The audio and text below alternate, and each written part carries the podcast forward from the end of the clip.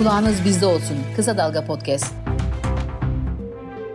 Dünya gündeminden merhaba. 24 Şubat'ta başlayan Rusya'nın Ukrayna işgali hala sürüyor. Bununla birlikte küresel olarak ABD başta olmak üzere pek çok devlet Rusya ekonomi alanında yaptırımlar uyguluyorken AB içerisinde bazı ülkelerde Ukrayna'nın silah taleplerine yanıt verebilmek için hem lojistik destek sağlıyorlar hem de karar alma mekanizmalarını hızlandırmış görünüyorlar.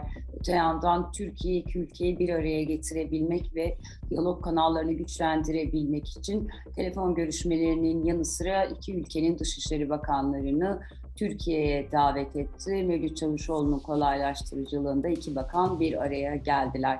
Profesör Doktor İlhan Uzger'le birlikte 24 Şubat'tan bu yana Ukrayna'da yaşanan gelişmelerin Rusya, ABD ve Türkiye ayağını ele almaya çalışacağız. Hocam merhaba, hoş geldiniz. Merhabalar, hoş bulduk. E, hocam e, Rusya'nın Ukrayna işgali hız kesmeden devam ediyor. Aynı zamanda da Avrupa cephesinde hem de ABD tarafından günü geçtikçe dozu artan yaptırımlar görmeye başlıyoruz. Son olarak e, ABD ve İngiltere Rusya petrolüne ambargo uygulamaya karar verdiler. Karşı cepheden Rusya'da bazı e, ham madde ve önemli materyallerin yıl sonuna kadar e, ihracatını yasaklayan bir adım attı. Kendi ülkesinde iç ekonomik önlemler de alıyor. İsterseniz biraz bu son gelişmelerden başlayalım. Bunları değerlendirerek ilerleyelim. Sonrasında da aktörlerin pozisyonlarına bakalım. Ne düşünüyorsunuz? Süreç nasıl ilerliyor sizce? Valla şöyle diyeyim, e, Batı bu sefer çok ciddi, e, öyle görünüyor. Yani Şimdi genelde söylenen şuydu, e, işte Almanya kuzey akımı kapatamaz, e, işte Amerika SWIFT'ten çıkaramaz.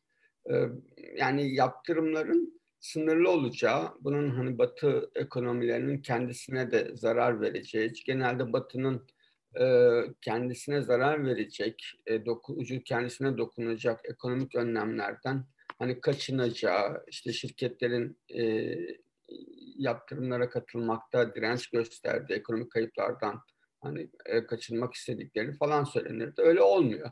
Çünkü burada ciddi bir hani, dönüşüm var. Hani küresel sistemin bu noktasında e, ya Rusya'ya karşı e, sert önlemler alacaktı ya da Rusya'nın e, bir küresel aktörlüğü kabul edilecekti. Yani ikisinden biri olacaktı. Yani Rusya bence yani saçma bir e, hamle yaptı yani Putin yönetimi.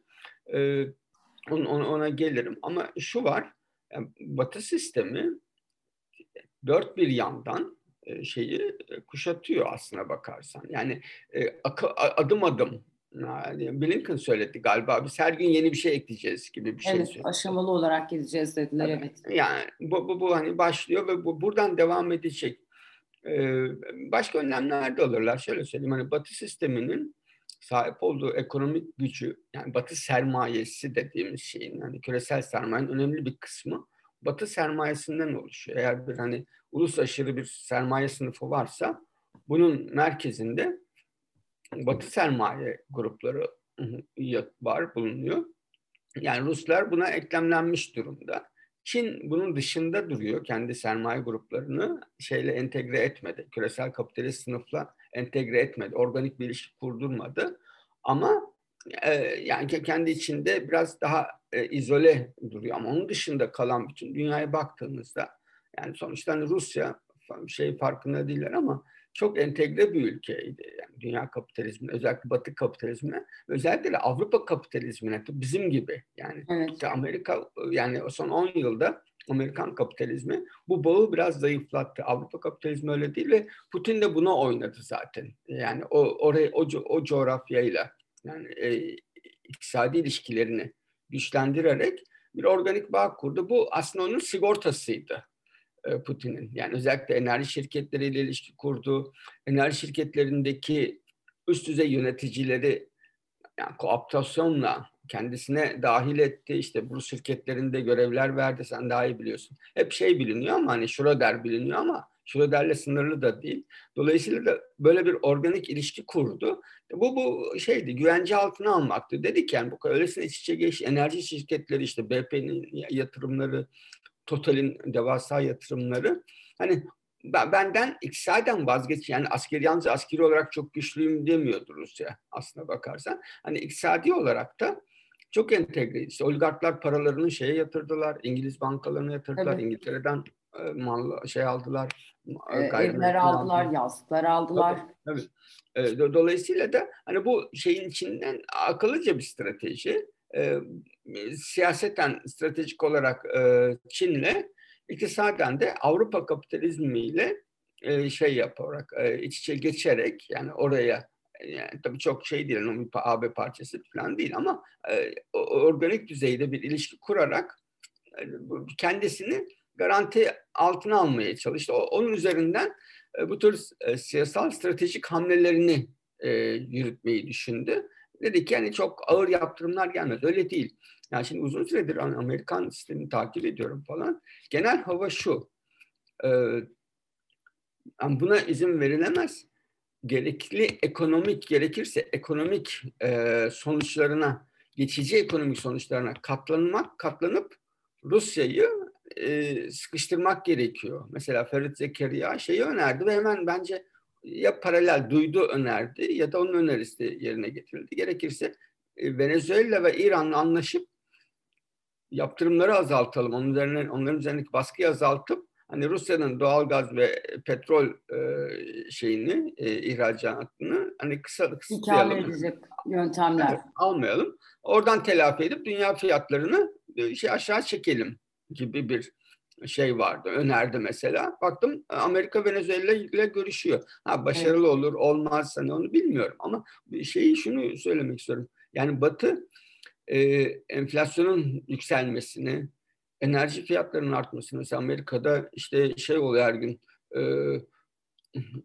benzinin fiyatı şu, şu kadar oldu falan diyor. Hatta böyle şeyler falan da var. E, ekonomik araba kullanma teknikleri falan söylüyor. Klimayı açmayın falan gibi hani pratik çok hani fazla zeka gerektirmeyen önerilerde bulunuyorlar falan Amerikan halkına.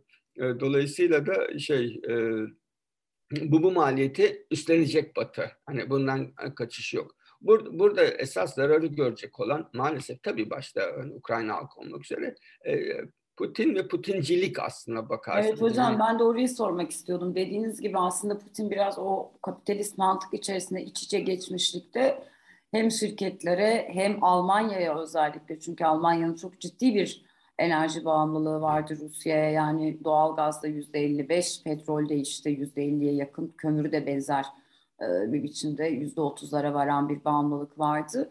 E, daha önce de söylemiştik Almanyalı e, ticaret firmaları ile Rusya'nın firmaları arasında yakın bağlar vardı. Büyük petrol ve enerji şirketlerinde aynı şey geçerliydi ama bu hemen hemen hani enerji ilk akla geleni pek çok alanda bu şekildeydi. Şimdi bu kapitalist mantığın kar zarar mantalitesi çerçevesinde Putin şunu düşünmüştü. Yani ben tek başıma gitmem. Sizi de kendimle beraber götürürüm ve biraz bir caydırıcı pozisyon olarak kullanıyordu. Ama e, aslında bizim daha çok Rusya'dan gördüğümüz yani örnek veriyorum 2014'te Kırım krizi yaşandığında ve yaptırımlar geldiğinde aslında Rusya uzun süredir ekonomik nedenlerle kabul etmediği Çin'e enerji sevkiyatını jeopolitik sebeplerle kabul etmişti yalnız kalmamak adına. Şimdi benzer bir tutum sanki Batı cephesinde uygulanıyor. Evet bunun bir ekonomik maliyeti var. Evet şirketler zarar görecekler. Örnek veriyorum McDonald's çekildiğini ilan etti. McDonald's Avrupa e, Rusya piyasasından olacak. 700'e yakın şubesi olduğu söyleniyor ama sanıyorum burada da bu jeopolitik e, güdü ya da başka sayıklar e, bu bedeli göze yani ekonomik bedel altından kalkılır denmesine neden oldu. Burada yaklaşık soru geliyor. Hedef Rusya'da iktidar değişimi mi? Ya bence e, ya birkaç hedef var. Şeyden başlayarak yani dört cephede zayıflatıyorlar. Bir, hani askeri cephede Ukrayna'da, e, diplomasi cephesinde tabii işte bütün dünyada ve yine imaj konusunda yani Rusya'yı bir parya devlet haline getirmeye çalışıyorlar. Bunu hani geçen hafta yazıda şey Milosevic'leştirme hani evet. şey, e, itibarsızlaştırma dünyada içte baskıcı dışta e, saldırgan ve yayılmacı. yayılmacı bir ülke görüntüsünü bütün dünyaya yerleştirmeye çalışıyorlar. Putin de buna hani hizmet ediyor aslında bakarsan. Ee, şey olarak e, Putin'i içeride sıkıştırmaya hani e, çalışıyorlar ve e, Putinciliği bitirmeye çalışıyorlar. Yani uzun bu şey değil. Hani garanti bir süreç olamaz. Yani iktidar değişimini e, Rusya'da Batı böyle hani bir ay içinde hemen Putin'i değiştirelim. Rusya'nın içine o kadar nüfuz edemiyor büyük bir olasılıkla sen de biliyorsun. Hani e, Putin de 20 yıl içinde hani kendi şeyini, iktidar mekanizmasını hani gayet hani kendisine sadık bir e, şeyi, iktidar mekanizması e, simbiyotik bir ilişki de kurdu oligarklarla. Onun, onun oligarklara ihtiyacı var, oligarkların ona ihtiyacı var. Hani öyle hani bu kolay olacak bir şey değil ama e, bir fikir olarak, bir proje olarak, bir model olarak hani Putinciliği hani dünyada yerin dibine sokmaya çalışıyorlar. Bu bunların hepsi aslına bakarsan hani mesela Starbucks'ın çekilmek istemesi, işte Coca-Cola'nın baskı yapılıyor Coca-Cola'ya çekil diye yani Rusya piyasasından. Ya bunlar tabii ki şey Rusya hani daha sağlıklı bir şey aklında çekilmesi bunların. Hani iyi de olur hani Rus halk açısından ama sembolik bir anlamı var. Diyorlar ki biz seni hani dünyada şeyden hani batı sisteminden kopartıyoruz. Şimdi şöyle bir şey var dikkat edersen hani mesela Çin'i hiç duymuyoruz. Hani evet. Batı'nın her çekilme hamlesine her önlemine Çin onu e, telafi edecek bir karşı hamleyle falan gelmiyor. Ben bunu söylüyordum. Yani Batı ile ilişkisi bozulan bir e, Rusya'nın hani Çin'le ilişkisi çok iyi olmaz. Yani Çin çok çok çok pragmatiktir Çin. Hani ideolojik şeyi falan çok zayıf hani dış politikadan. Bir sürü ülkenin öyle tabii ki hani bunu biliyoruz. Ama hani öyle hani müthiş bir Çin-Rusya ortaklığı ve muhtemelen benim tahminim hani Çinliler çok memnun olmadılar şeyden e, Rusya'nın şeye girme. Onlar istemiyor. Dünya ekonomisinde bu tür bir alt üst alt üst oluş istemiyorlardı. Çünkü Çin ekonomisi dünya ekonomisine Rusya'dan daha tabii daha fazla. Hani, e, Ve e, şu anda artan en basit enerji fiyatları Çin'i yani, de etkiliyor tabii, yani. Tabii, ya da işte diğer e, şeyler e, materyallerin örnek veriyorum nikel, hani bakır, paladyum bunlar Çin'i de etkiliyor şu anda. Evet, bütün enerji fiyatlarının yüksel yükseldi. Mesela bunun Rusya'ya çok faydası da yok şu anda. Hani e, öyle Rus ekonomisinin kayıplarını telafi edebilecek durumda değil. Dünyaya yani uçak uçuramayacak bir sürü yere yani Batı dünyasını uçak uçuramıyorsunuz. Hava sahanız kapalı.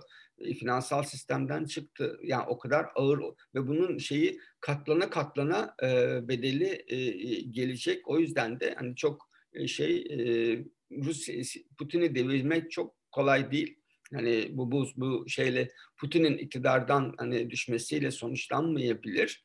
Yani çünkü çok baskıcı bir e, yönetim. Ya alternatif bir iktidar yapısı olacak ya bir saray darbesi olacak ya da toplumsal ayaklanma olacak. Başka evet. türlü olmaz. Hani erken seçime gidecek değil Putin. Hani böyle bir mekanizması yok.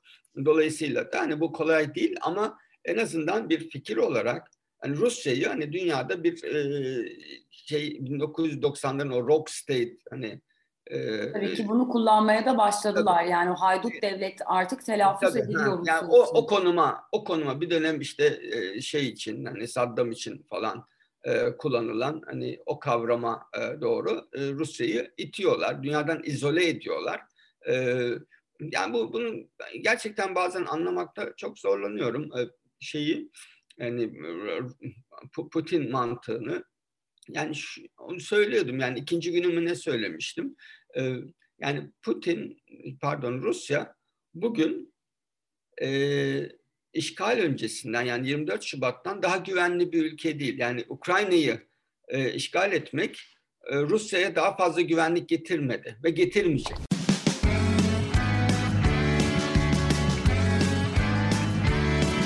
Kulağınız bizde olsun. Kısa Dalga Podcast.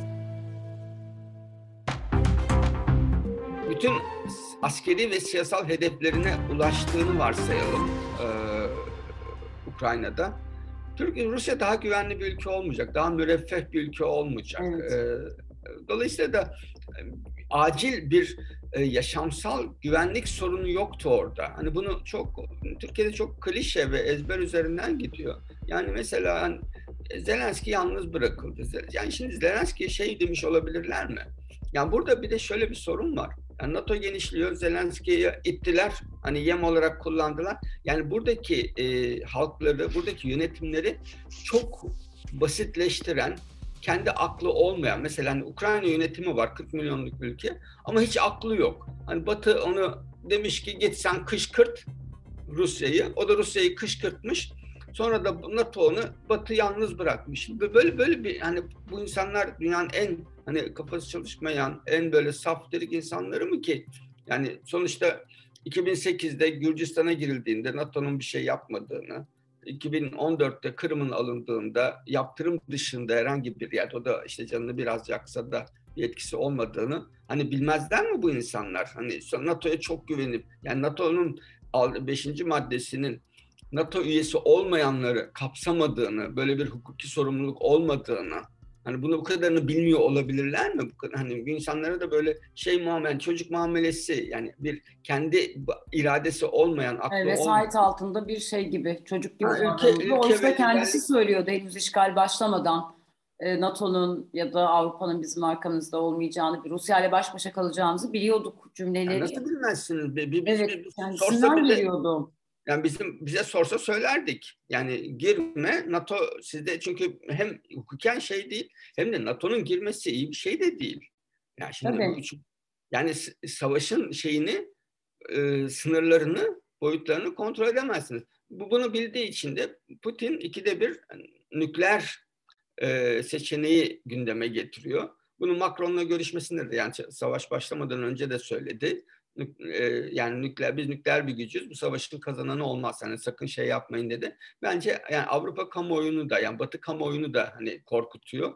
Hani bakın şey yapmayın siz de baskı yapın. Ee, yoksa hı hı. kullanacağını zannetmiyorum ama hani o kadar çok şey zannetmedik ki. Yani nükleer evet. şey başka, silah başka bir şey. Dolayısıyla da hani bu tür şeylerden hani nasıl söyleyeyim kestirme, e, yerleşik klişe ifadeleri yani biraz kışkırttı. Mesela Zelenski'nin yani Zelenski yönetiminin Rusya'yı kışkırtmak için ne yaptığını kimse söylemiyor. Hani kışkırttı, evet. kışkırttı.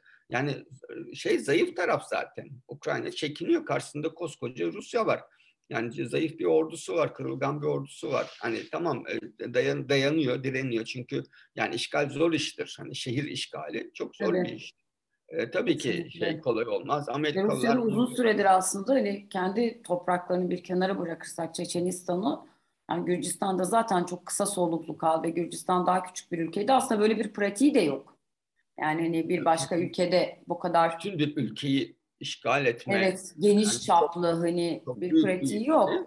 Tabii e, yani işte loj- çok detayına girmeyeyim. Yani çok büyük lojistik sorunları çıkıyor falan. Yani teknik şeyleri var. Daha çok işte demir yolu kullanıyor ama burada karayollarını kullanmak zorunda vesaire.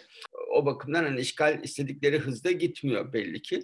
E, mesela e, son bir yılda ve şeyde savaştan itibaren de kaç e, bu Stinger ve Javelin'ler çok önemli. Yani bu omuzdan atılan çünkü maliyeti çok düşük yani omuzdan atılan bir roketle e, helikopter ya da işte uçağı e, düşürebiliyorsunuz. Özellikle helikopterlere karşı daha etkili.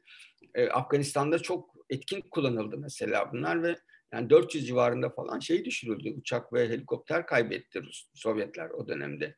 Burada evet. da işte Javelin omuzdan atılan bir roketle bir şeyi yani zırhlıyı, tankı e, durdurabiliyorsunuz. Ve bundan 17 e, bin tane vermiş e, batılı ülkeler yani Polonya falan da İngiltere'de falan yani çok yüksek bir sayı aslında. Demek ki yani bunu son bir yılda öngörmüşlerdi evet. ve ona göre bir hazırlık yapılmış. Yani savunma hattı kurulmuş ve bana sorarsan benim tahminim Amerikalı yani Amerikan Savunma Bakanlığı bu hattı tahminim belirledi. Rusya'yı burada oyalayıp bakın şeyi getiriyor, muharip güçleri getiriyor ve muharip güçlerin bir kısmını burada Rusya e, tüketiyor. Aslında askeri olarak da e, kendini zayıflatıyor.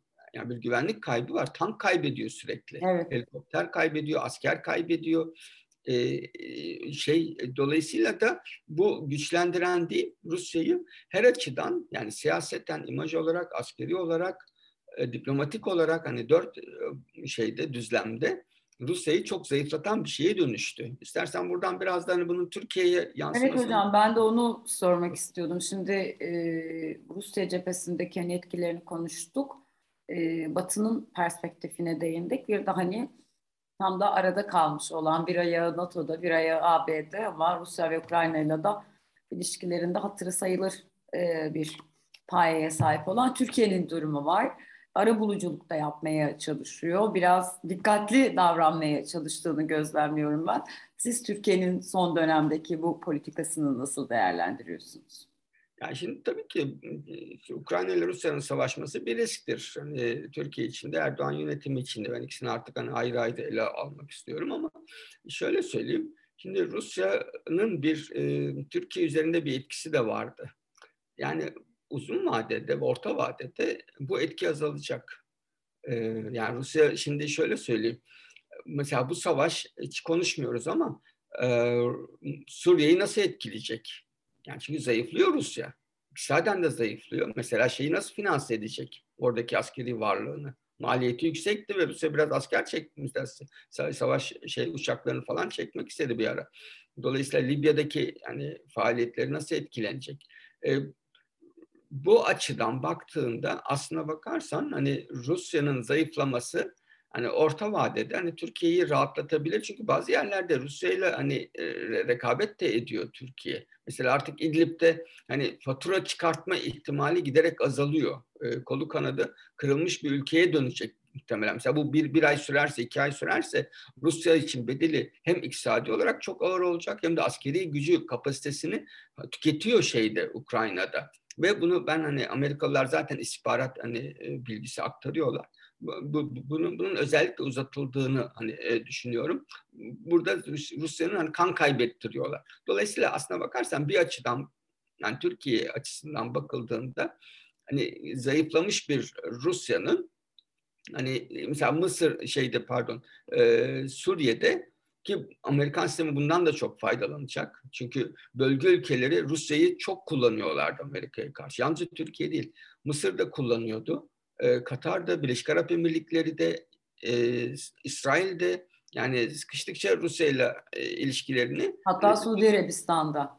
Tabii Suudiler de iyi araları. Dolayısıyla evet. Yani Rusya'nın en önemli kayıplarından birinin bence bu hani Amerikan müttefiklerine ulaşma kapasitesinin de bundan sonra çok zayıflanması ve daralması olduğunu düşünüyorum. Yani kendisine hakikaten dediğim gibi çok büyük zarar veren bir şeye girdi. E, hani askeri harekata girdi. Bir, bir ülkeyi işgal etmenin bir anlamı yoktu. Hani Amerika 20 yıl önce bunu yaptı ve vazgeçti. Ondan sonra yapmadı. Evet. Yani topyekun işgalden vazgeçti. Onu anladılar. Evet, belki bir... o yüzden de NATO'yu Libya'da gördük bir sonraki Hava, havadan havadan evet olarak, orada da havadan da söyledi. Girmedi. Yani askeri olarak karadan bir işgal süreci yürütmedi e, Amerika. Anladı. Yani havadan bombalayarak içeride şeyi e, ayaklanmayı tetikleyerek bunu yaptılar. E, kendileri e, şey mesela hani Irak'ta olduğu gibi hani Saddam'ı yakalayalım? Kendi halkına e, havale etti yani şeyi Kaddafi'yi. Dolayısıyla da hani Rusya Amerika'nın yapmadığı bir şeyi yapmaya çalışıyor. Bu bu hani mantıklı değil, dönem itibariyle doğru değil, e, stratejik olarak hatalı ve Rusya'yı zayıflatan bir e, daha az güvenlik getiren bir sürece döndü. Evet yani Türkiye bu anlamda şey diyebilir miyiz hocam hani sadece şu anki diplomatik görünürlüğünün ve dengeyi gözetme siyasetinin yanı sıra Suriye'de eli güçlenmiş bir e, sürece doğru. Çünkü Rusya zayıflıyor. Türkiye'nin Rusya'ya karşı elinin bir anlamda güçlenmeye başlayacağını iddia edebilir miyiz? Böyle bir çıkarımda bulunabilir miyiz? Ya olabilir çünkü e, sorun olduğunda e, faturayı Suriye'de özet ödetiyordu. Yani bu şeyde gördük İdlib civarında 34 Tabii, evet. vur, vur, vurmasında gördüğümüz evet, gibi. sık sık Rusya. Ya şimdi zayıflamış bir Rusya'nın yani şöyle bir sorun var. ikili bir şey var. Bunu tabii belki sonraki bir başka hı hı. şeyde çekimde tartışmamız gerekir. Bir Erdoğan yönetimi Rusya'yı dengeleyici olarak kullanmaya çalışıyordu. Batı'ya. O kartı elinden olmuyor şu anda. E, tabii. E, zayıflamış bir Rusya'yı Amerika'ya karşı dengeleyici olarak kullanamazsın. Ama öte yandan da hani e, işte şey gibi e, Suriye gibi yerlerde, Libya gibi yerlerde yani Rusya ile aslında bazı açılardan re- rekabet de ediyordu. Hani farklı pozisyon, ters pozisyonlarda yer aldılar. Yani bu, bu, bu Rusya'nın bu kapasitesinin azalması hani Türkiye'yi rahatlatabilirdi bazı açılardan. Hmm, o yüzden de hani böyle bir sonucu olduğunda bunun hani düşünmemiz gerekiyor. Bunun da hesabını yapıyorlar e, tahmin ediyorum ki. Anladım. Çok teşekkür ederim hocam. Özellikle bu Suriye boyutu, Orta Doğu boyutu yani diğer ülkelere de kısaca değindik. Dediğiniz gibi belki e, bir sonraki programımızda biraz bu krizin diğer boyutlarını ele alabiliriz. O, o, kadar aç, açmamız gerekiyor. Evet e, sıcak o kadar gelişmeler ardarda arda geliyor ki insan oradan kafasını kaldıramıyor ama şu anda bile büyük ihtimalle Orta Doğu jeopolitiğinde en basit buğday fiyatları üzerinden bile etkisini göstermeye başlamış durumda. Türkiye'de ekonomik olarak zaten işte siz bahsettiniz ABD'de böyle diye.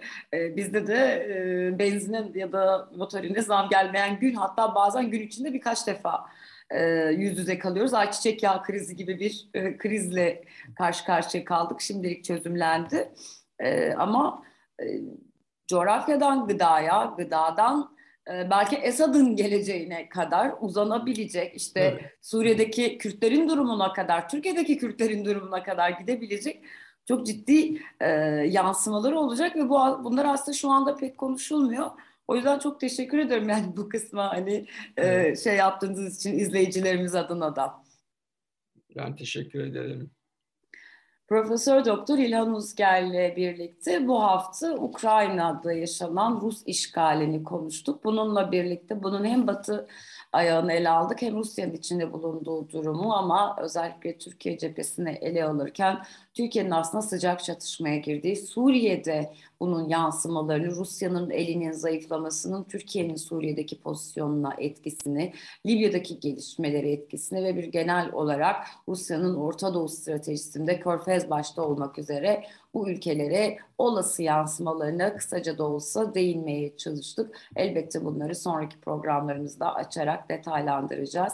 Bizi dinlediğiniz ve izlediğiniz için teşekkür ederiz. Hoşçakalın. Kısa Dalga podcastleri Demet Bilge Erkasab'ın editörlüğünde Mehmet Özgür Candan'ın post prodüksiyonu ve Esra Baydemir'in hazırladığı görseller ile yayınlanıyor. Kısa Dalga'ya destek vermek için Patreon sayfamızı ziyaret edebilirsiniz.